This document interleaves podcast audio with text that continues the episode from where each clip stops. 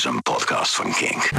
Release Rundown. Rundown. Hoi, leuk dat je luistert naar Release Rundown. Elke week eh, heb ik de eer om hier te zitten om een album aan je te laten horen die ik track voor track heb besproken met een artiest. En deze week is de eer aan de Ierse punkband Fontaine's DC met hun album Doggirls. Fontaine's DC is uh, een, een nieuwe band, een jonge band en een uh, vaak genoemde band als je het hebt over veelbelovende talenten voor de toekomst. En hun eerste album Doggirls is net uit. Uh, en ik mocht een paar weken geleden in een kroegje in Amsterdam met zanger Brian en gitarist Connor praten over hoe dat album tot stand is gekomen. Ze waren best wel uitgepromoot, hadden een lange dag met promo achter de rug. En uh, kwamen net terug van South by Southwest. Maar desalniettemin zijn we het hele album doorgegaan. En uh, dit is hoe het album Doggrails tot stand is gekomen. Guys, thanks for sitting down with me. You guys have your first, first album coming on. We do indeed, yeah. Are you excited? Yeah, we are excited. I mean, uh, I, I mean, I don't speak for all of us, but like, I'm, I'm definitely excited. But um, it's kind of one of those things where, where the most exciting part of it really was was the writing process. You know what I mean? And we're already kind of thinking about writing album two. So um, to get album one out there would be would be good in the sense of kind of like putting us on the right track to focus on album two more. You know. I can imagine. I don't know that you've played some of these songs live already. Yeah, we played all of them now so far. Um, we were holding off on the closer Dublin City Sky for a while. But uh, we started testing out live now and seeing how it goes down. And how's it going down? Uh, surprisingly well, yeah. I Yeah? don't know, like there's kind of like a bit of trepidation when you play a song like that because it's um, more rooted in traditional Irish music than the other songs. It has like a, lo- a, ver- a kind of a folk feel, and so you kind of wonder how those kind of things will translate abroad. But um, happily enough, like they're going down pretty well. People seem to be getting it. Um, the title of the album, Dogrel. I had to Google it. I still don't know if I know if I've got the right meaning. What did you guys mean with this title? Well, um, as it turns out, a lot of the Irish folk songs that we'd listen to, but that would be covered by the Dubliners and things like this, like McAlpine's Fusiliers and those kind of songs. Um, the form of the lyrics are an Irish form of poetry called doggerel, and so um, the, it's very working class form of poetry. It's very um, it's it's to say something about the times that the people are experiencing, and um, it's very kind of poetry that's being used rather than some kind of high-minded, highfalutin poetry reserved for academics. And so Doggerel has that kind of meaning of it being working class, but also that angle of that that higher classes would say something is a piece of doggerel it's worth nothing because you know it has no value it's whatever so it has a, a, a multifaceted angle in that it's irish um, traditional poetry but also kind of a self-conscious kind of uh, self-deprecation yeah self-deprecation Okay, so it's got a double meaning for you guys that both suits the album. yeah Yeah. So the first track on the album. Uh, do you guys know the order, by the way? pretty much yeah Yeah, I'm not quizzing you. I'm just wondering. I think so. I guess we'll find out, hey? Yeah. Okay. So the first track is Big, which Yeah. is the shortest song, I think. yeah Yeah. How did it come to be? Do you, Well- remember, do you remember how me and you wrote that? Me and Digo came up with the idea for that tune together, really. Yeah. Um, I remember that we went into the room together to, to just try and write some songs and demo some songs. And we threw a few things at the wall to see what would stick. And that was like the third song we wrote that day. Um, and just threw down some chords, and you said to me, play the guitar like you've been hitting the head with a brick. and uh, then I. Digo didn't hesitate to do exactly Then I, that. then I did that. He's like, great, I will. You knew I was Okay. exactly what this that is meant. something I can do. yeah. Uh, and then you uh, had that uh, lyric idea, right? And then Yeah, I had, I had the, the lyric idea for uh, Dublin in the Rain is mine from, from kind of maybe two weeks before that. Because I think um, all of us but Digo have, have done a stint uh, doing the door for uh, for our manager's uh, club in Dublin. But basically, our job is to like take five quid off everyone who comes in and then stamp them on the hand, like, you know what I mean? Yeah. Tell them to have a good time, you know? Um, Behave themselves, yeah. yeah, exactly. You know, no one listens to me, like you know what I mean. But uh, yeah, so I think I think I think I was doing that, and then you know that that shift would finish at three a.m. and I'd have to start my actual job at like I have to get up at five and be in work at half five. So I'd go home for like an hour and a half of sleep, and uh, it'd often be through the rain, you know. And I was just kind of like trying to convince myself that I had any sort of semblance of power over my life during that kind of you know half an hour walk home before I had to get that little bit of sleep. So that's where the, the idea for melody came from, and it just seemed uh, really strong for me because it was it was kind of the opposite of the way I was living at the time. So um, it was very very very quick for that tune to come together really because those are the two main elements was to have that kind of you know uh, almost like totally not almost totally simplistic guitar and then that uh, driving ambition Yeah. you know Yeah. I mean, I think we finished it. You were going for a train. I think we finished the whole thing in 20 minutes or half an hour. yeah it was one of those songs you know That's quick, yeah. Does that happen often? Not that quick. I think that's definitely the quickest. Like, All right. But uh, I remember we wrote "Chequeless Reckless" because we needed a B side for "Boys in the Better Land when we were releasing it as a single, and Best so we, reason, yeah. yeah, and we wrote it in a, probably about two or three hours. Yeah, Okay. yeah. Yeah. I think it's interesting to know that that line was something that you thought of when you were walking home because in the song it kind of sounds like a mantra as well. Like it gets repeated a lot, which I suppose when you know where it comes from, it kind of it kind of comes together. That kind of Yeah. works. Yeah. Yeah, it's kind of just like uh, consistently checking yourself and trying Yeah. to trying to believe that you are uh, what what you you know pretend to be Mm-hmm. over and over again. You know. Uh, I'm going in on the lyrics. I, if you guys mind, just Mm. let me know. But there's a line: "Sick little boy with a mind of Ritz." What is Ritz? Ritz, the hotel, Oh, you know, the Ritz Hotel, oh. because just just that place, kind of like, from from my um, idea of it anyway, it kind of like. Uh, it showcases, um, you know, uh, you know, fanciness and yeah, um, okay, like upper class. Yeah, yeah. prosperity and stuff, and it's it's kind of it's representative of that illusion of, of grandeur and that illusion of uh, of, of wealth, you know, without necessarily having anything to back it up, you know, and, and that being uh, sort of a metaphor for a dream that one person who had little might have for this kind of, uh, you know, because that's that's all a lot of these dreams that are handed over to us are really it's just like a kind of mask of, of nothing, you know, but like a beautiful mask, you know. I had the the lyric idea for uh, Dublin in the Rain is mine from from kind of maybe two weeks before that. Because I think um, all of us but Digo have, have done a stint uh, doing the door for uh, for our manager's uh, club in Dublin. But basically, our job is to like take five quid off everyone who comes in and then stamp them on the hand, like you know what I mean. Tell them to have a good time, you know. Um, yeah, exactly. You know, no one listens to me, like you know what I mean. But uh, yeah, so I think I think I think I was doing that, and then you know that that shift would finish at three a.m. and I'd have to start my actual job at like I have to get up at five and be in work at half five. So I'd go home for like an hour and a half sleep, and uh, it'd often be through the rain, you know. And I was just kind of like trying to convince myself that I had any sort of semblance of power over my life during that kind of you know half an hour walk home before I had to get that little bit of sleep. So that's where the, the idea for melody came from, and it just seemed uh, really strong for me because it was it was kind of the opposite of the way I was living at the time. So um, it was very very very quick for that tune to come together really because those are the two main elements was to have that kind of you know uh, almost like totally not almost totally simplistic guitar and then that uh, driving ambition. You know?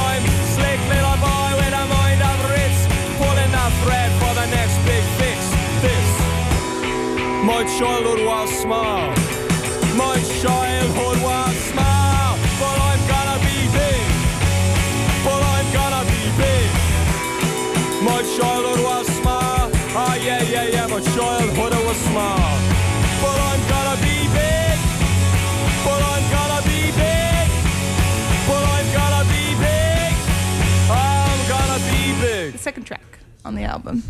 Sha Sha Sha. Sha, yeah. Yeah. Yeah. How did it come to be? Well, the the lyric the lyrics of it were were written uh, again very late at night. I think I wrote loads of lyrics for this album during that walk from Workman's down the door to the gaff. To be honest, because it was another one of those ones, and it was like a uh, a lot of really peculiar things happened on that particular walk. You know, at that particular time of night, and um, I think I just wanted to. Uh, represent the, the sort of like the the, the mad uh, like real mad interpretation of that that one has when they're incredibly tired and they see w- weird things that they find hard to digest. And it was all kind of like a lamplit uh, sort of like yellow brick road from from this like uh, from this job that I had to do because I had to like spend every penny of it the next day on, on getting to work and then getting home. You know what I mean? Something like that. And and it was just this like uh, I, th- I think when you're living at the point of like sort of I mean, it was desperation, you know, to a point. I think when you're living at that point of, of sort of desperation, you become very sort of sensitive to to any uh, odd behaviour around you, you know. So I think that um, it all just came from that. Uh, and wanting to capture that, but I mean, it, it, what, like it, it's it's a sort of totally surrealist tune because what I f- what I felt about what I saw was very surreal, you know.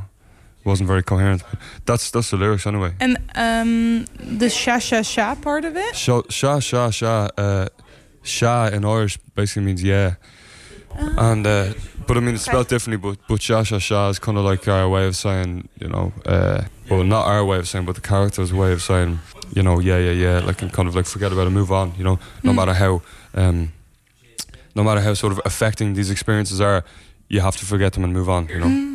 Okay. And then musically, how do you guys work? Do you, because you said you've thought of a lot of lyrics and like loose pieces. Do you put it together and then say, hey, let's put some music to this? Or does it go more like, Well, it's quite uh, really depends on the song, you know. I mean, I think that you wrote it, you had the idea, but were you did you jam that with Carlos or something like that in his gaff? Yeah, I think I think I, I came up with the the riff of it anyway, and then uh, the the sha sha sha hook. The interesting thing about that tune is like I, I wrote that probably when I was pissed out my head um, one night. I, I- wrote I wrote all the lyrics in a, in a like in a, in a way that there's there's no particular form to like the the verse. You know, there, there's no like particular rhyming rhythm or anything like that. So the song was in free fall, so that um, it kind of meant that when you applied it to a tune, the the rhythm was already um, kind of working uh, adjacently to the, to the rhythm of the song, and that there was already going to be like a disconnect there, and that's something that I love about you know uh, bringing lyrics to music. Like I love I love I love when the, the rhythm of the lyric has its own identity, kind of away from the the rhythm of the, the music. You know what I mean? So uh, it, it took us kind of it took us ages to, to work out how to like reconcile those two parts together because there was so many kind of conflicting rhythms going on. Yeah, I think um, you initially came to us with the idea for that song like three or four months before we actually started playing it. We were originally thinking about putting it on the second album, but uh, we just wanted to play it live, you know, and you can't really play your second album live before your first album's released. So well, we you can do what you want, but yeah, the general rule probably You're the is. first person to tell me I can do what I want in about a year and a half. Oh, but you can though, can't you? In a We, way. we can do what we want. yeah. Yes. Looking over to the side. Yeah. No, no one's there. Absolutely. No one okay, there. Yeah, we can do what we want. Yeah.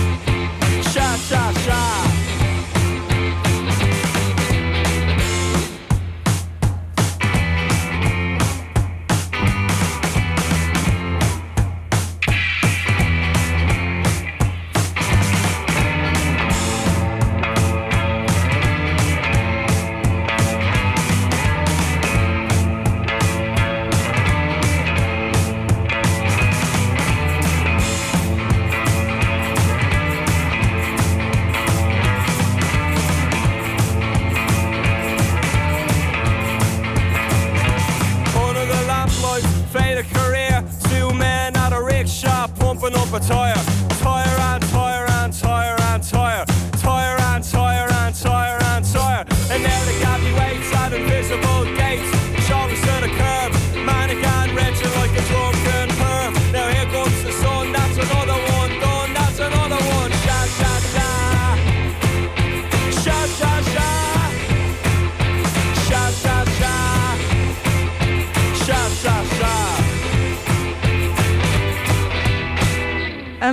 track number three on the album, Too Real. How did that one come to be?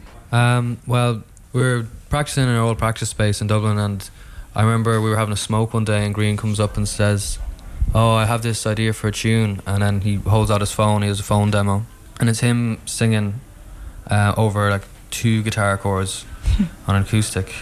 I was just like, "Okay." You're like, are you sure? I was yeah. like, right, what is this? Like, and he was just looking at me, real in the eye, going like, intense. Like, I was like, okay, right. And so then we jam it, and it takes a good while, but we kind of construct it in such a way that it makes it. It made sense of the original idea. Like, like if I, I think if we went back and listened to that demo now, we'd hear the parts that we've arranged now in the inherent in the song.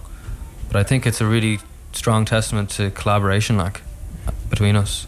Like I think it's a really like Carlos, the stuff Carlos does with the bottle on that, like Yeah, I think, I think Carlos brought that tune to the next level when he pressed the bottle against his guitar strings, like you know what I mean. But um, I think like we, we could have e- easily left that tune at a at, at, at a kind of you know uh, where where all we had to do was like you know do our jobs in terms of like accentuating and uh, like nuancing the, the, the most kind of uh, important parts in in the in the sort of like uh, you know in, in the lyrics and in the hook and stuff like that. If we all came together and accentuated that, but instead of that, instead of doing that, the lads sort of just brought it to the next level. You know, what I mean? the lads like um, like kind of uh, wrote like an entirely new song that kind of like overlapped with my idea, and we just decided to record the entire thing all together, and just became something different, you know. So yeah, Um, and the lyrics were something you, you came up with, you had in your head written down somewhere. Or it was just like uh, I, I, I don't know. Sometimes I just come up with with with one sentence, and uh, I just feel compelled to just like uh, sit down and, and, and write it down before I forget it. Like you know what I mean. And then I kind of go back to it, and then um, I, I try to do that one particular line and sentiment justice by writing more around it. And, and the the line I wrote for this one was. Uh, None can pull the passion loose from youth's ungrateful hands. Um, and I kind of just wanted to explore more how I felt about stuff like that. I think it's it's weird the stuff that comes out when you when you write like sort of uh, subconsciously, you know, because I'm really I'm, I like honestly, man, I'm like really like learning loads about what things specifically kind of uh, trouble me really deep down in, in my core. You know what I mean? Um, if I if I if I bother to like dissect what I'm writing myself, which I rarely do because I'm afraid of what I find. There's stuff there that like I think is uh, is cornerstone to a person. And so this tune is a good example of that to should we not get too deep into the lyrics then? I mean, not until I've had at least six more whiskies.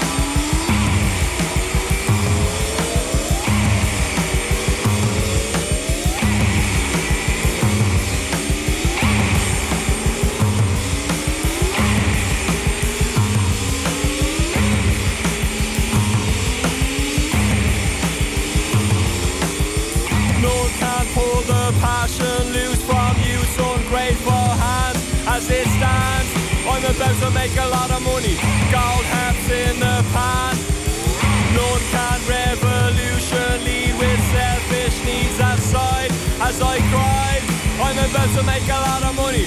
Gold hats on the side. Is it too real for ya? Is it too real for ya? Is it too real for ya? Is it too real? The winter evening settles down. The bruised and beat up open sky, six o'clock, the city in its final dress. And now a gusty shower wraps the grimy scraps of withered leaves all about your feet.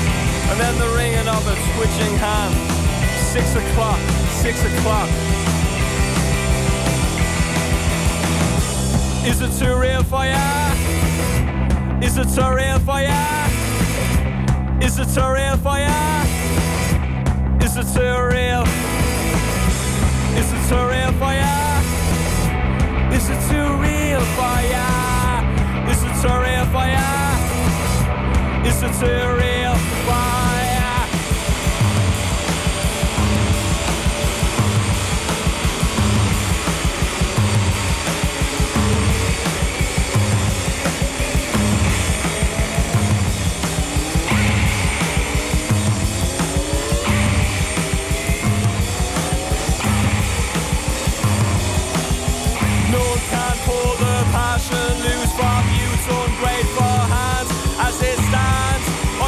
To make a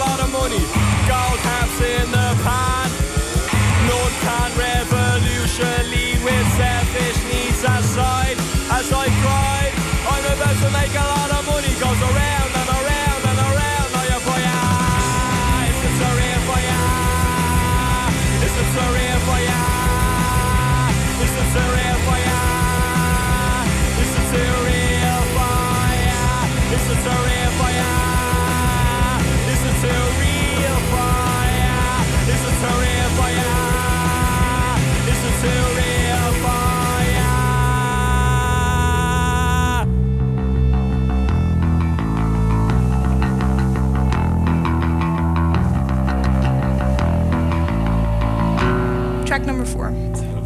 Yeah. No Did you way. see it? Hey, nice. Completely guessed them, man. Uh, now, this is one of the songs that I couldn't find lyrics for online. So I tried my best to decipher them uh, listening to you guys. But wh- what's this song about? How did it come to be? Uh, lyrically, the song is about um, the, the the breaking down of someone who has a, a lot of walls in front of their personality, in front of their in f- front of their emotions, I suppose. And um, um, it's it's about it's about the repetition of of uh, scenes where, where love is gained and lost, and uh, like this thing said over and over again, like the room full of mirrors. And that's kind of about you know this this chamber of reflection where everything is basically repeated in front of one's eyes, and uh, like uh, it's it's it's about it's about kind of like learning to dream beyond what you're presented with, um, spec- like specifically romantically, and uh, a lot of it is about. Um, I mean, it's it's basically just about a relationship, you know what I mean? But it's about kind of like a relationship that's forlorn, a relationship that's uh, doomed, and um, it's a but it's it's a, it's a relationship that's dreamt up by someone who has aspirations to break free from the repetition of life. Mm. But it's also kind of about uh, that like th- that kind of realizing that that's a, a sort of like selfish and, and e- egotistically led dream, and it's not necessarily love. It's kind of just about kind of um, projecting the idea of like an escape onto somebody else and confusing that for love, and then kind of uh, sinking back back into the bitterness from which you were initially revived. You know, in the beginning of the song, it's kind of like about uh, feeling feeling something for the first time, and then at the end of it, it's closing the doors on it and realizing that it's an, an egotistical pursuit and it's not real love at all.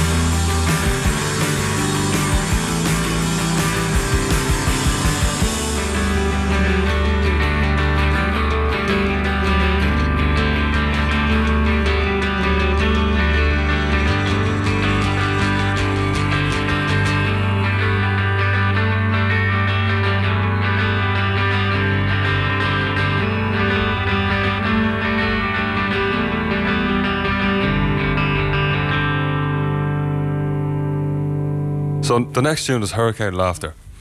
Um, The first part that stuck out to me when I listened to this was the line "There's no connection available," which comes quite late on in the song. Is this one of those songs where you have the lyrics like straight on, or do little parts come up and kind of the song comes together after? Well, when that song, when we started with that song, there wasn't the no connection available part in it at all. There was no stop. It was just straight through. everything else was there. Everything else was there, Oh, okay. but there was no uh, no connection available part. And um, then we just said we needed a stop part in it, and then you threw up the line no connection available because what there was no Wi-Fi in the rehearsal space or something. There Uh, literally was no connection. I, th- I think it- I think it was, uh, yeah. But I mean- like I had, a, I sort of had a. prof- I mean, it obviously wasn't about that. Do you know what I mean? It was like he was inspired by that, you know, um, because the the sort of like the this this sort of sense of of terror that comes with uh, receiving that message saying that there's no internet connection available. You know what I mean? And kind of just taking that out of context and what that really means is just that there's no connect, connection available between you and the rest of society. You know what I mean? Regardless of whether whether or not it's it's internet. I mean, it's internet in that form, but it, it evokes the feeling of you being alone and being an island. Uh, so uh, yeah, I suppose like I, I think subconsciously you kind of just package these moments of um, of like emotional experience and uh, without thinking about them, and then you can you can kind of uh, call upon them. If if you do enough, I think you can just call upon them when, when you need to, like you know. So the lads thought that would be a good idea for, for us to have another section like that and have a repeated line, like you know. And that was the kind of I don't know why, but that was that was a line that came out. I find that you guys, what stood out to me is that in a lot of your songs you have a lot of repetition, which isn't a judgment, but it, it was interesting to see where some bands try to put in many, many verses with many different kind, maybe different kind of stories that all hang together in a theme. You guys do do that, but you also repeat a lot of lines. Yeah, Is that a form that you enjoy because it's sonically very nice as well to have repetition, or is it just because that's how it comes to be? It's sort of like when you when you say a word over and over again and it begins to lose its meaning. Hmm. Uh, well, that's what people say, but it kind of like loses its meaning, but kind of like gains a, a, like a weirder, sort of like more abstract meaning, and becomes nearly annoying and hypnotic. You know what I mean? And uh, you, I, I, I don't know, but you kind of begin to resent the, the, the word or whatever. But we co- like I kind of like doing that with sentiments, w- with full sentences as well, because um, it just uh, it kind of brings out the profundity of a particular you know idea. Like there is no connection available. So, said once, I think a lot of people wouldn't give that enough thought, and I'm not happy with that. I want people to give it a thought, so that I say it over and over and over again, um, until people kind of feel it. Like you know, and I think I think we say it just just enough times for people to feel it. Like you know, um, but also I think when you come back to something like that after talking about some other things like after a verse or whatever like that you, you're, you're bringing it back as, as all courses are they're brought back with a new sort of sense of context and a new like new force and a new power behind them It holds a different meaning. exactly yeah yeah, it's kind of just just um, equipped more equipped you know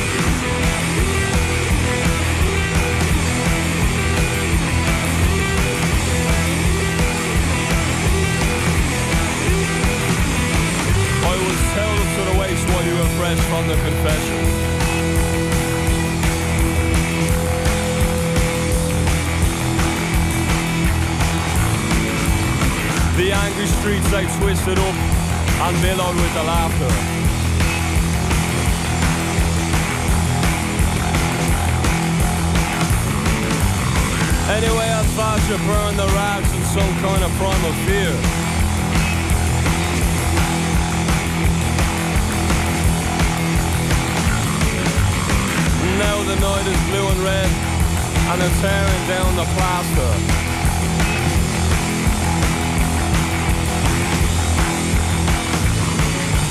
Hurricane laughter.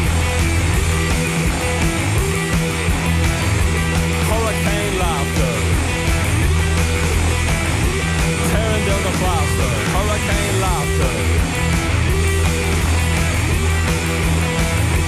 Hurricane laughter. Tearing down the plaster.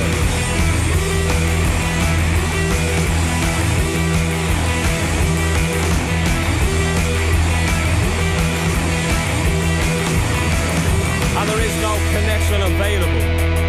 And there is no connection available. There is no connection available. There is no connection available. So to the hills we fled while the evidence was weighing and weighing and weighing and weighing and weighing and weighing and weighing. Eyes aloft all shock and blue and purple serious.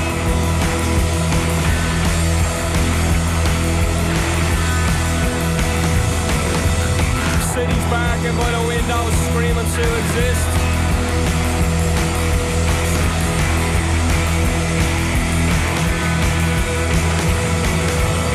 And now we have the muted mind of priesthood so imperious.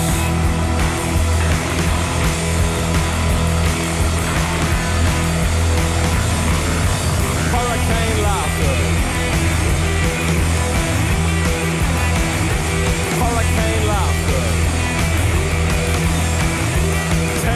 Tearing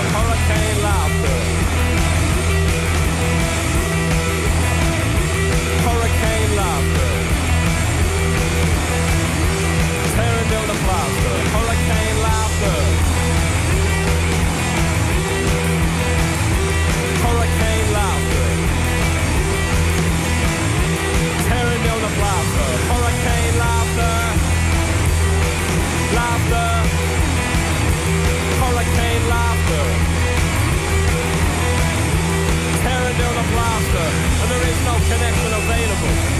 And there is no connection available. And there is no connection available. And there is no connection available. And there is no connection available. And there is no connection available. And there is no connection available. And there is no connection available. And there is no connection available. And there is no connection available. And there is no connection available. There is no connection available. The sixth track on the album. Russian. Yeah. Yeah. The sixth track is Roy's tune. That's the new Single, single, or the latest release, is it? Yeah. Yeah.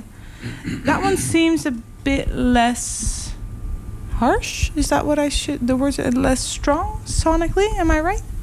Um, I mean, it's not any more emotional than the other songs because they're all emotional songs. Yeah. Like, I guess it's softer. Yeah, I don't know. Um, it's more reflective in a sense as well. I mean, yeah, I mean, it's hard to describe in these words, like, because Yeah, because like at the same time. because all the songs are reflective. Like, you know, it's not Yeah. like any of these words are just playing into the stereotypes of what the words mean, not actually what they actually inherently mean. Like, Mm. so. I don't know. All these words seem to lose meaning the more you think about them. Like, But, but like, I understand what what she's saying. I understand what she's saying as well, but I don't agree with it, like because I don't agree with those words being used that way. Really? Not really, like no, because it's kind of you hear them so much they stop meaning anything at all. Like Mm, it, it's it's more tender, yeah, right? It's more, more tender. tender, yeah, Let's go with Uh, that then. yeah. Yeah. Yeah. Because I mean, like, I th- I think the argument is that like other songs could be could be soft in in in the, the sort of like level of vulnerability in them, you know, and uh, the level of expression. It could be like a in, like interpreted as, as as more soft and uh, Roy's tune. Like sh- like the chords are softer and stuff like that, but as a song and lyrically and stuff like that, I don't think it's necessarily softer, but it is probably more tender sounding. Um, but uh, Curley Curley wrote the lyrics to that. Uh, he wrote the main idea for the lyrics anyway, and I think he wrote that when he, he wrote that when me and him were living in this uh, f- like terrible fucking like fairly squalid gaff. We were sharing with another like eleven people, and uh, we had to share a bed in it. And uh, we weren't like telling the landlord about you know the fact that we were sharing a rent and like that because we just didn't want to pay that extra bit of rent because it was too much. It was fucking, it's crazy in Dublin. The rent is crazy. So uh, he he wrote that when he was learning about the uh, the government's intention to um, to bring Apple or to keep Apple into in, in this is to bring Apple or to keep Apple? To bring Apple right? No, it was that they owed Ireland eighty million euro in back taxes or something like Apple that. did? Yeah, and uh, the Irish government weren't going to collect them because they didn't want to lose them as a company, in spite of the fact that uh, the Irish public uh, served to get absolutely nothing from them because they weren't paying taxes and they weren't employing anyone because they were just bringing all the employees over from their other co- like base branches in America and stuff. they were actually doing nothing for the Irish people. Although I don't know why they had it. It was just special private interests, a, a, a, a very transfer, uh, transparently private interests on the government's part, Mm. and it was really frustrating for someone like Curley who was working in like a chain restaurant for minimum wage and saying if I if they collected that money I wouldn't have to do this or they could raise the minimum wage and they could do so many things with this. That's a significant amount of the of Ireland's GDP like we're a small country like. And he just got really frustrated with that and uh, the song kind of informed that kind of frustration and loneliness in a city like you feel really alone when these kind of things happen to you you know And then the people up high making these decisions that aren't necessarily good for the people that are working in the city, in the country. Yeah. yeah Yeah. And they feel the effects of it. yeah Yeah, I mean, th- those guys were sharing, like Grian and Curley were sharing a bed in a converted office block, like, and um, I We're mean, paying like high rent for that as well really high rent. like we, we had we had a, a toilet in the hallway um, where you had to walk over wet carpet from other people coming back from their shower and like it was freezing cold and there was like there was no heat in the hallways and there was like there was a like the the bathroom was like a community center bathroom full of scum and there was like no lock on the door and like it was proper rotten like yeah, it was really gross. there was no there was no toilet seat on the toilet like you know what I mean it was Yeah, yeah, and I was paying. I was paying six hundred fifty quid a month for it, like you know what I mean, and sharing it with thirteen people or eleven people. Was it eleven? I think it was thirteen when And when was this? else. When was this? Yeah. This is like it was during the time that we signed with the Mm. record label, and then for about four months after that, and then uh, just because we happened to be touring so much, I just got to give up the gaff, and now I just like stay with my parents whenever in Ireland, you know. Um, so it was probably up until about eight months ago. Yeah. eight months ago. Yeah. So that situation is still current. That's still happening. The prices are still that high. The rent is Oh, still. Oh yeah, absolutely. It's Oh, gotten they're- worse, yeah. They're, they're Yeah? building log cabins in the back of people's gardens so that they can rent them And is this to other people. Dublin or Ireland in general? Dublin, Dublin, mostly really. Dublin, but Ireland in general as well. The other cities are being affected by this as well. Uh, there's a huge problem with like the landlords, um, or sorry, not to get into too much, but the the politicians in Ireland, um, they make a significant amount amount of money because not only do they have their wages, they get a state pension, but then they get their minister's pension, and so they're making a huge amount of money, and they're like, what am I going to do with all this money? How am I going to invest it and not have to pay loads of tax on it? So they buy gaffs, they buy houses, like, and they rent them out to people. So they're landlords, right? And so why would when all of the ministers, when they're landlords, change any of the laws to do with controlling how much landlords can charge rent? They wouldn't because they have private in, uh, investment in it. That's a really screwed interest. system. It is a really screwed system, but um, I don't know. The Irish people at the moment lack the bravery to, or well, they're building the bravery to talk about these issues. You know, it's kind of difficult, but hopefully then we'll get to something. Well, I guess you guys are heading heading the force by writing music about it, right? And making it a conversation to talk about it. Yeah, hopefully. I mean, I'd like to see more people talking about it for sure. It's a huge issue, like a- absolutely massive.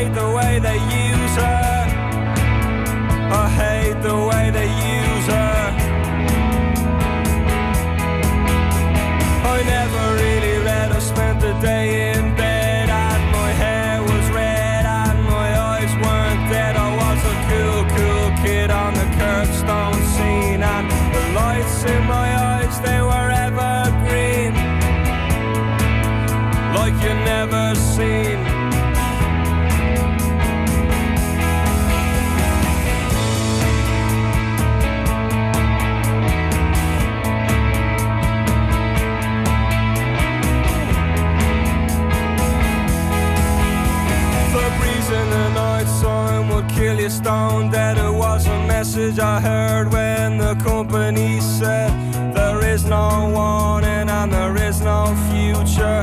I like the way they treat me, but I hate the way they use her. I hate the way they use.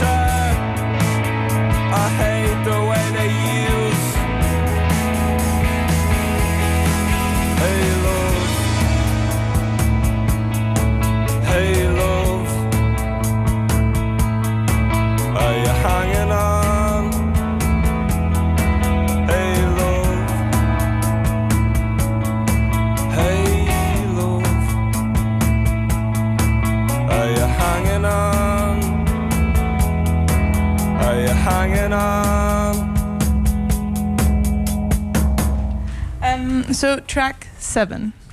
It's the lots. A lot, yeah. Yeah, that's the one. What does that mean? This is a translation thing for me. What what is or are the lots? The lots are, well, it's it's a street in Dublin, and it's kind of a, a back street, and it's cobbled and dirty and not the kind of place you'd walk down at night, and it's where our band started. Um, there's like a rehearsal room in the basement of one of the buildings there, and although fairly unrelated to the like to coming to the conclusion of writing a song about it, it is where in fact coincidentally we started there, and um, we have a certain kind of romance for it, even though it's kind of horrible. Like we have a certain kind of romance because it reminds us of starting a band and this kind of thing, and it's kind of got that romance of Dublin in it as well, um, in spite of its flaws.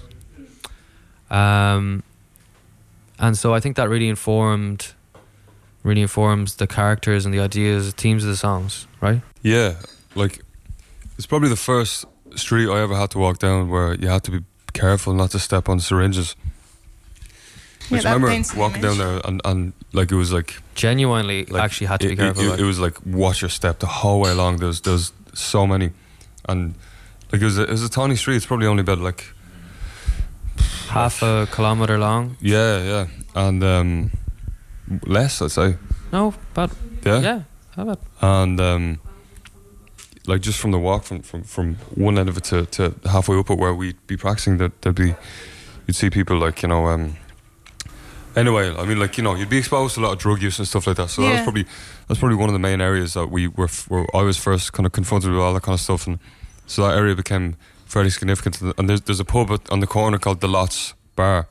And um, it's uh, it's supposed to be like the smallest pub in Dublin. Gun we, we went to that bar a couple of times as well, and um, so it's the lots like and it's on the corner, and the line is lots on the corner. She ain't ever coming down, and flirting with the idea of of like lots, like Lottie being um, a person, a character as well. But it's kind of just like about a faceless general character that would hang around that area, like you know, like Lot is on the corner, Lots on the corner, the Lots on the corner, um, and. Uh, I mean, like, so, something about the, the, the size of that bar seems very true. Like, do you know what I mean? It's kind of like um, it's kind of like the, the same way that something about Donald Trump being the president of the United States seems very true. Like, do you know what I mean? Like, it's uh, in in a in a form, it's it's it's totally adequately representative of um, what what has always been kind of like fundamentally problematic about um, about government in general, but spe- specifically American government. You know, um, in my opinion, anyway. Uh, but uh, so like the the bar being that small makes it kind of like feel more ostensibly like like a cage of sorts. And I think that the whole area just kind of like trips me out because like it just it seems like an area that you know you can't really escape from, whether it be the alleyway or whether it be the tiny bar in the corner where people hang out and don't really talk to each other, watch TV and just drink you know whiskeys. I think like musically, that song for me is kind of supposed to be melancholy, melancholy, and thoughtful and city-like, and that while it fades at the end, it kind of ascends in the background, and that kind of represents the drug use of the people on the streets to me, like the kind of the, the disappearing and the ascending at the same time. Like if you're imagining them shooting up in a in this because it becomes more um, conflicted and dangerous as the song goes on, and then just at the end, just as it starts to just go down, it starts to lift up as well. And um, that's imagining someone shooting up to me. Like I don't know about you, Grian. Do you get that from it? Yeah, yeah, yeah, totally. Like it's like uh, it's like the, the the fading out of reality, but but the sort of like background buzz of uh, of of kind of like of uh, divinity and creativity and and uh, euphoria, sort of like growing within the person's mind as they fade out into the background. You know what I mean? It's kind of like a, a kind of a weird joke on our part to like kind of add in these elements that make you want to listen closer as you're fading out, and it's being about shooting up, like because it's kind of curious.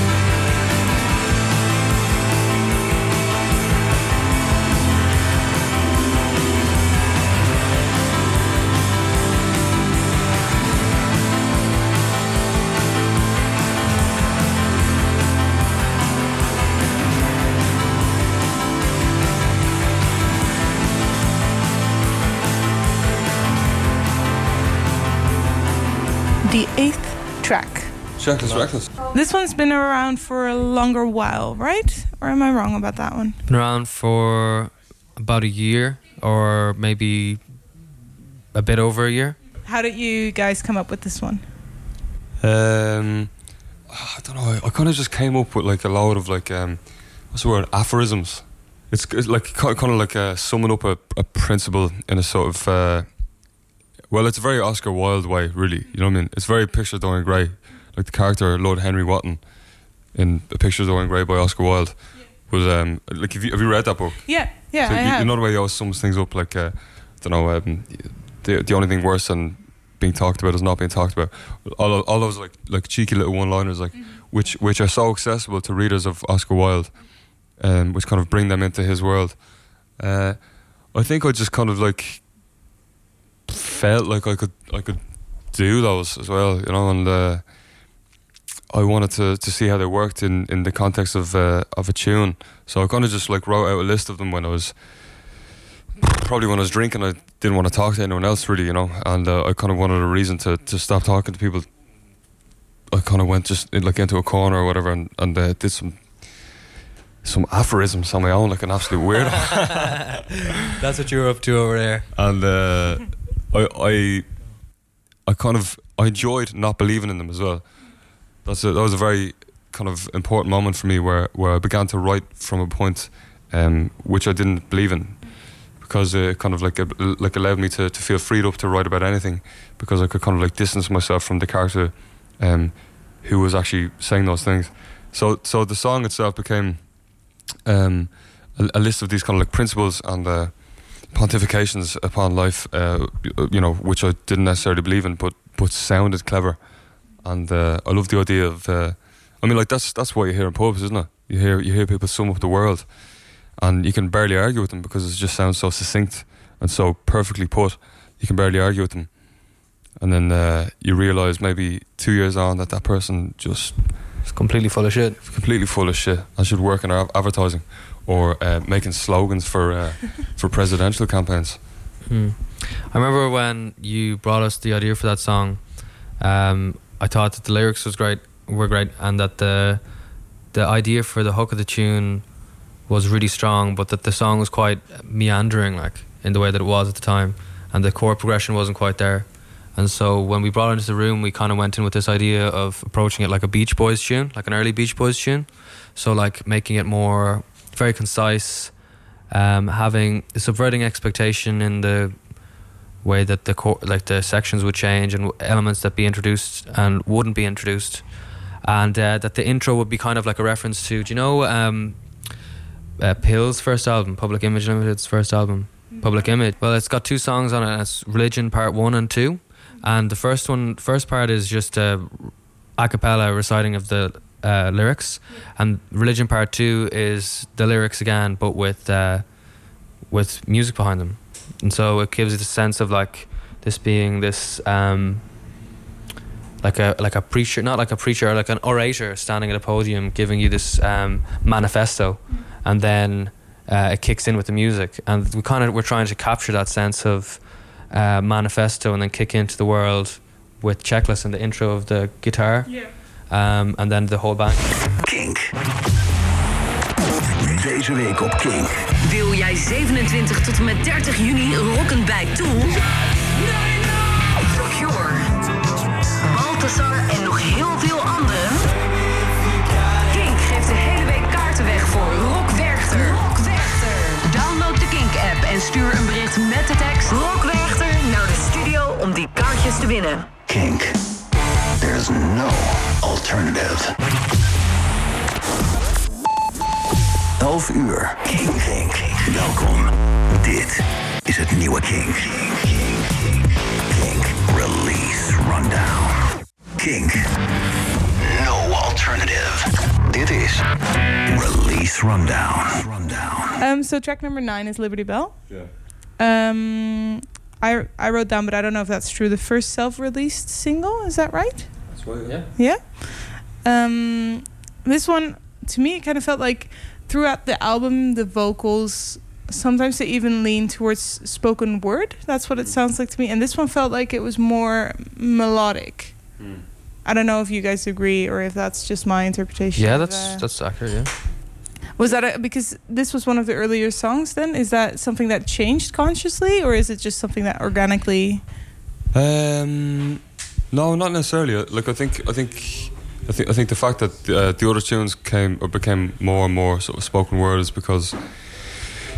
Uh, they, I mean, they're written after Liberty Belle, and I kind of just wanted to do different things, you know. And, and I was more interested. Like I've, I've, I've been more interested for the better part of like five years, six years.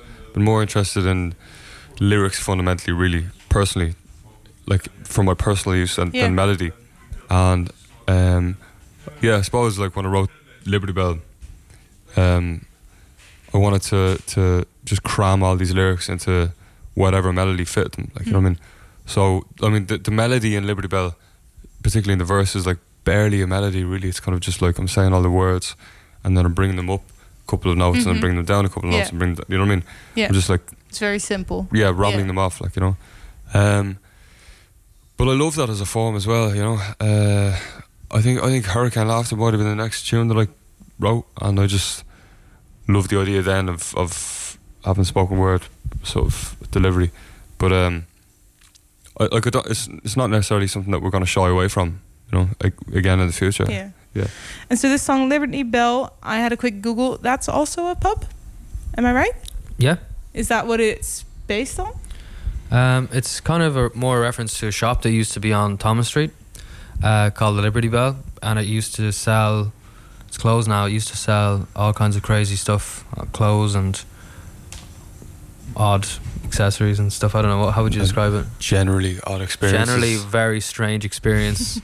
yeah, you could, you you could buy you could buy a toasty there and, uh, and a cup of coffee, and then you could buy like a three piece suit from like the 1700s, and then you could also get like. I'm gonna be honest. You could also get looked at fairly oddly by the proprietors, like, and then you'd, you'd leave there feeling like uh, feeling pretty strange. But uh, I, I don't know. It was, it was a very curious place because it was incredibly out there in an area of Dublin that was largely kind of traditional and, uh, in a sense, kind of conservative. You what I mean, like the whole song is about kind of like uh, struggling to, to reconcile the um, the sort of necessary kind of uh, you know uh, delusion of like life being uh, grand and beautiful, and um, in, like in order for you to do your job well from nine to five, and uh, the the kind of like the the violence on the streets, where, like and you know kind of like emotional violence that we all experience um, between those hours, you know.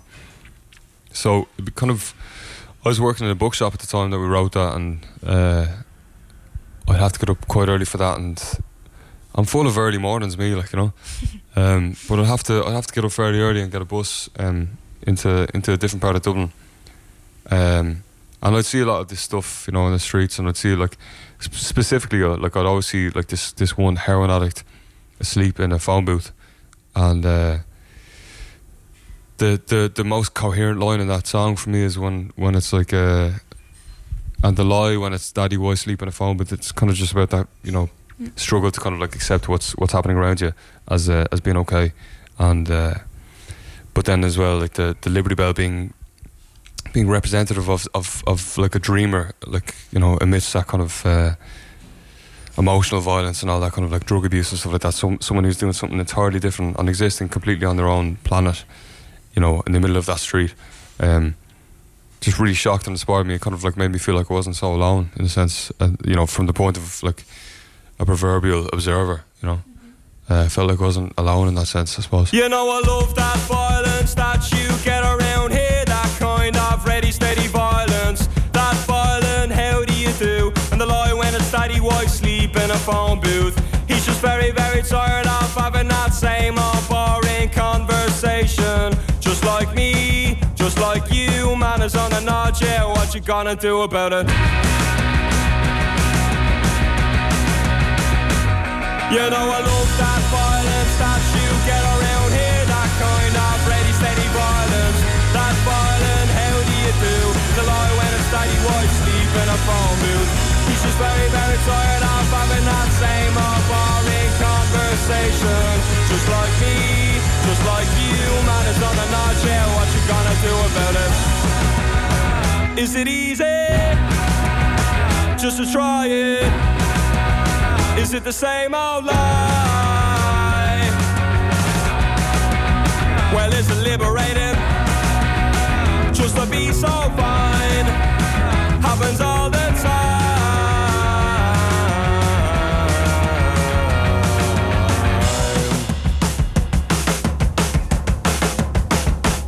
You know I love that violence that you gallow when the car wind blows down News of the marriage of the socialist money to another yeah He's just very ridiculed and it's coming from the back row Side row, never even tried row. Nice man if you knew him well. I heard he owned a place called the Liberty Bell, yeah. Well is it easy? I think I'll try it Cause it's the same old lie I find it liberating Just to be so fine. Happens all the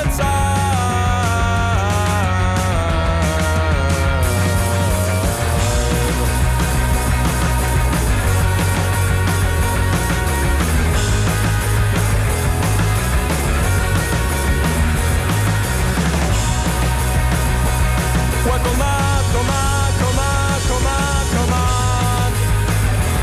Well, come on, come on, come on, come on, come on.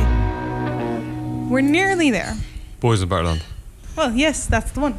Uh, I think I think boys boys in the Better Land, like in a sense, is is probably a in a way, like it's our best tune. I think Yeah. because uh, yeah, do you, do you would you sort of agree with that? I do as well because it's the tune I like. I think we all enjoy playing most live. And it's the tune that feels the most Triumphant. triumphant. Yeah, I don't know. I'm just trying to think about how to say it. Yeah, um, it just feels really right. Like it makes me feel like we're a, a band, like a real band, Hmm. and uh, that's why I enjoy it so much. Um, Tune is like Rolling Stones esque, like it's like full of full of uh, full, full of full of parts, like full of like different guitar parts that all blend together, and it's uh, like it's old school rock and roll in that in that sense. Like you know what I mean? It's like the the drums do this, the bass does this, the two guitars work off each other in this sense, and uh, then the vocal like does this sort of like like a, like a separate thing over, like like a like a classic like rock and roll tune, like like uh, the Rolling Stones and stuff. But uh, at the same time, we still managed to through this kind of like relatively tradi- traditional format, we still managed to express ourselves very very well through it. Like you know, I feel it's very very much us, and um, I mean, yeah, it's it's definitely like the most fun tune to play live. I'd say, you know, I think Chequeless Reckless is probably my favorite tune, but I think that Boys in the Better Land might be our best tune. You know, yeah, I think it depends on the situation. Like playing it live, Boys is my favorite. On the album, The Lotts is my favorite, and as our best tune in like execution and songwriting, Chequeless. Yeah, yeah. yeah. Um, Boys in the Better Land. The lyrics are, are mo- mostly about. Um, it's basically about the sort of like the the idea of like um, of uh, different cultures like being marketed to to yourself, and uh, the grass being kind of like marketed as being greener on the other side, and uh, this this sort of like a soul idea of uh, your life not being good enough, um, and um, f- trying to find a way out, you know, like mis- misguidedly trying to find a way out of your life to find something that's better, full of greener pastures, and uh, so yeah, like I mean, like there's there's actually there's, actually a, a line stolen pretty much directly from uh, the Coca-Cola uh, mission statement, which is to refresh the world in mind, body, and spirit, and like Coca-Cola saying that they want to refresh the world in mind, body, and spirit is the most like like shamelessly bizarre and horrific perversion of uh, of of like of, of the idea of like spirituality and, and physical health and, and mental health. You know, when it's literally a drink full of like eight spoonfuls of sugar in a can. Do you know what I mean? Refreshing the world in mind, body, and spirit. You know what I mean? It's addicting as well. Yeah, and then totally, yeah. affecting everyone's physique and I mean, I mean, like there's there's stability. there's there's transcendental meditation. There's like there's there's Buddhism. Like, you know what I mean? And Coca Cola are spending billions on billboards all around America saying we're refreshing the world and in your spirit. How can we make Coca Cola seem altruistic? Like, how can Yeah. we make Coca Cola God? God, yeah, you know. Um, and it's just a drink that has so much sugar in it that if you feel like you don't have it once a day, uh, you know, you won't be able to talk to people without freaking out.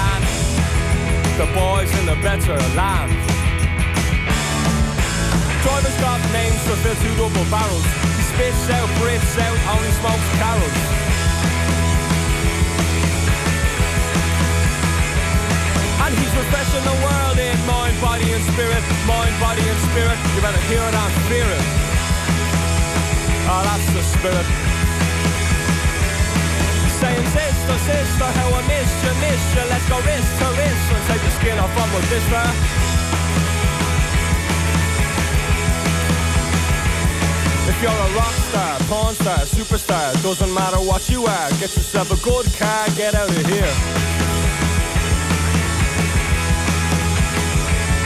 Yeah. But the boys in the better land, you're always talking about the boys in the better land. The boys in the better land.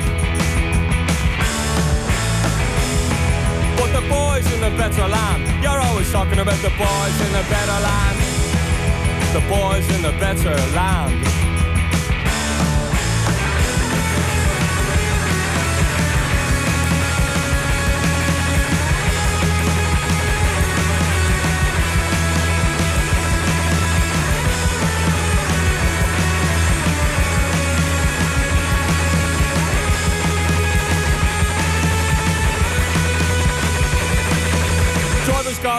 To fill two double barrels. He spits out, breathes out, only smokes Carrolls.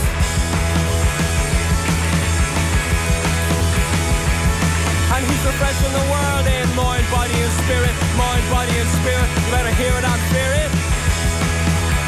Ah, that's the spirit. Saying sister, sister, how I missed you, missed you. Let's go wrist to wrist and take the skin off of a blister.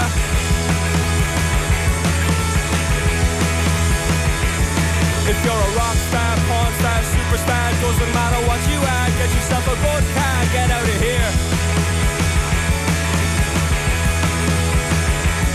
Yeah. But the boys in the better land, you're always talking about the boys in the better land. The boys in the better land. But the boys in the better land, you're always talking about those boys in the better land the boys in the better land.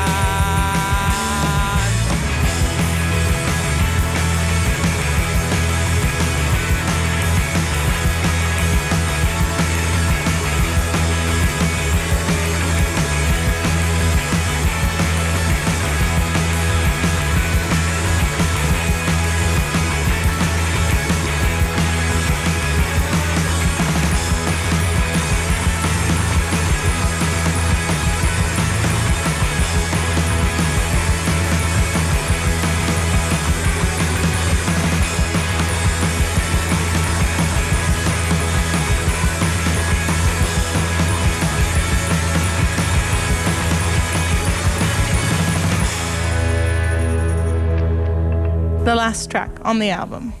Dublin City Sky. I think that's the one I could find the least about uh, when I was kind of researching this album. Um, no, it's uh, it's not the newest. I think it's because uh, we haven't played it live and it hasn't been released as a single. So it's probably even less of a talking point for that reason. People haven't heard it. You know.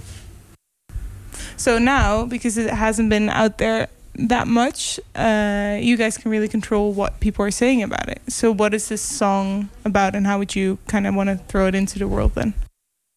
The song is like a like um like a sort of like romantic tragedy uh, dedicated to the city of Dublin and um its decay and it's like it's basically like it's, like it's a love song to Dublin um which which you're losing to uh like well, like I feel like I'm losing to another man and the other man is uh, materialism.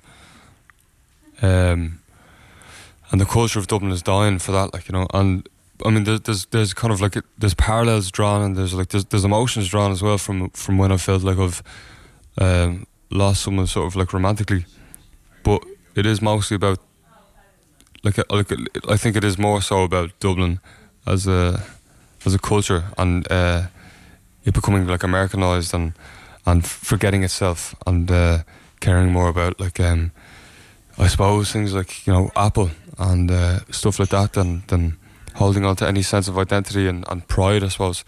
Pride, you know, w- without the kind of like negative connotations. Like I'm talking about just kind of having a sense of identity, really.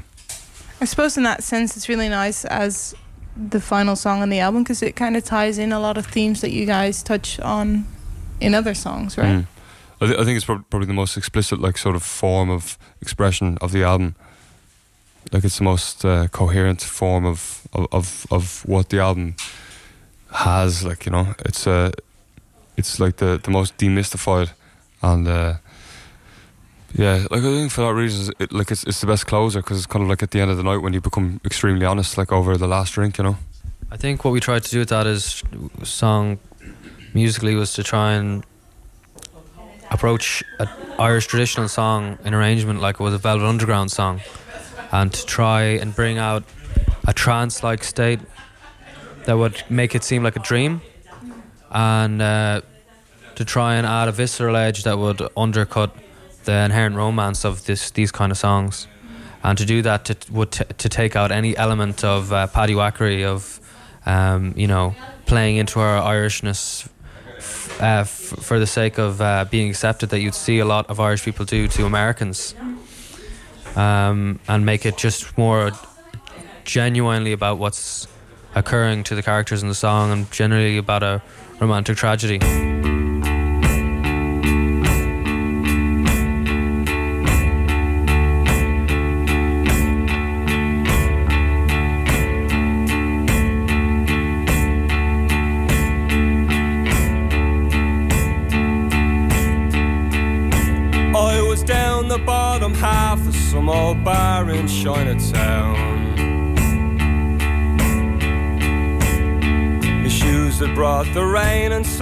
Space for looking down. As drunk as love is lethal, we spun a lady round. And I kiss her neath the waking of the Dublin city sky. She threw her shoes into her bag and danced just like a dream. Her face was rubied up just like no sun I'd ever seen. She said I was a phony, I said I could be mean. And I treated her so badly, I made my baby cry. The January markets fill the cold air with the The boys are full of laughter and their pocket with the pound. And in the foggy dew, I saw you throwing shapes around. It was underneath the waking of the Dublin city sky.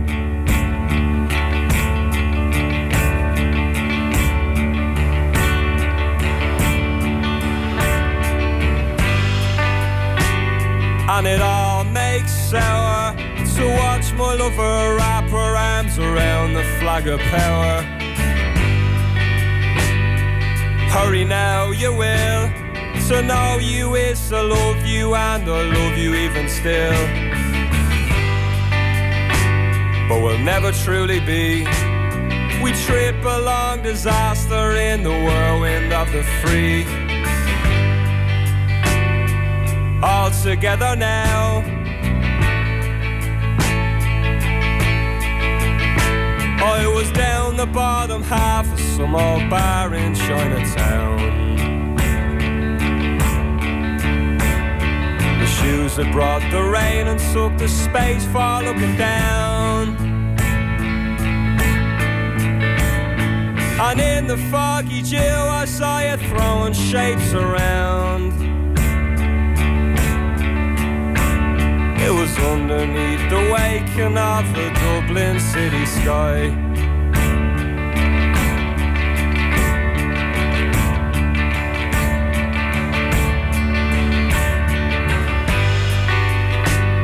And it all makes sour to watch my lover wrap her arms around the flag of power. Hurry now, you will To know you is to love you, and I love you even still. Ah, but we'll never truly be. We trip along disaster in the whirlwind of the free. All together now.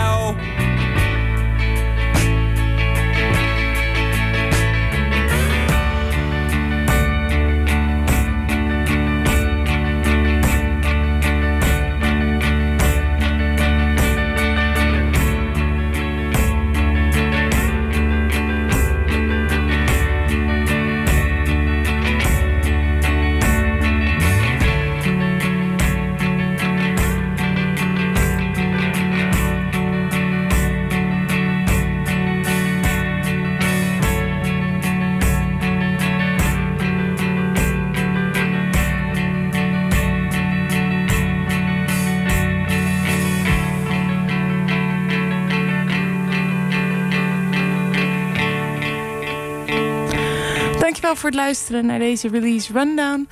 Uh, mocht je dit nog een keer willen horen of andere afleveringen willen luisteren, zoals bijvoorbeeld met De Staat of met White Lies of met Circle Waves, dan kan je Release Rundown vinden in je favoriete podcast-apps, in Spotify of op kink.nl. En als je daar dan toch bent, laat dan vooral een reactie achter wat je ervan vindt. Dit is een podcast van Kink. Voor meer podcasts, playlists en radio, check kink.nl.